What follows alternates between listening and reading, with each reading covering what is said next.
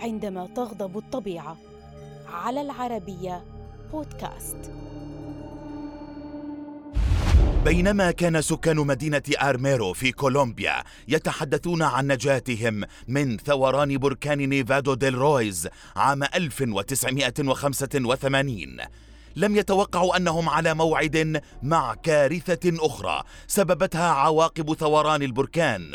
فالثلوج التي تغطي البركان كانت قد أذيبت واختلطت بالرماد. وراحت التدفقات الطينية المختلطة بالصخور تندفع من البركان في الهواء وتحولت إلى كارثة أدت إلى مقتل 23 ألف شخص وتدمير البنى التحتية والمواشي والمحاصيل في بلدة آرميرو.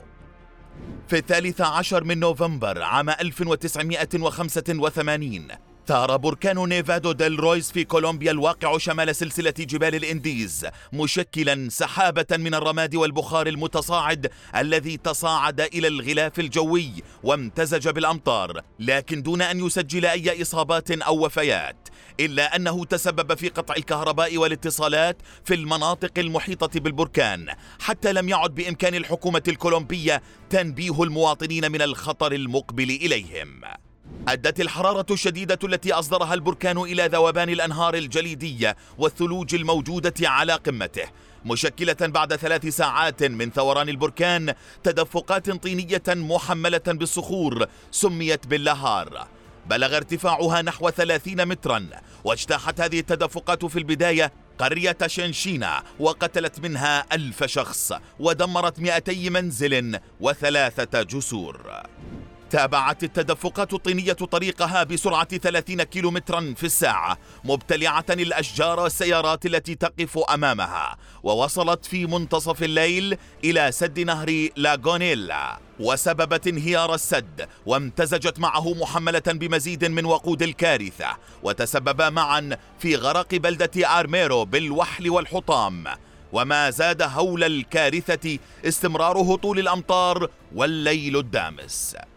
أدت هذه العوامل مجتمعة إلى مقتل أكثر من عشرين ألف شخص من سكان البلدة ما نسبته سبعون في المئة من السكان بالإضافة إلى إصابة خمسة آلاف شخص آخرين.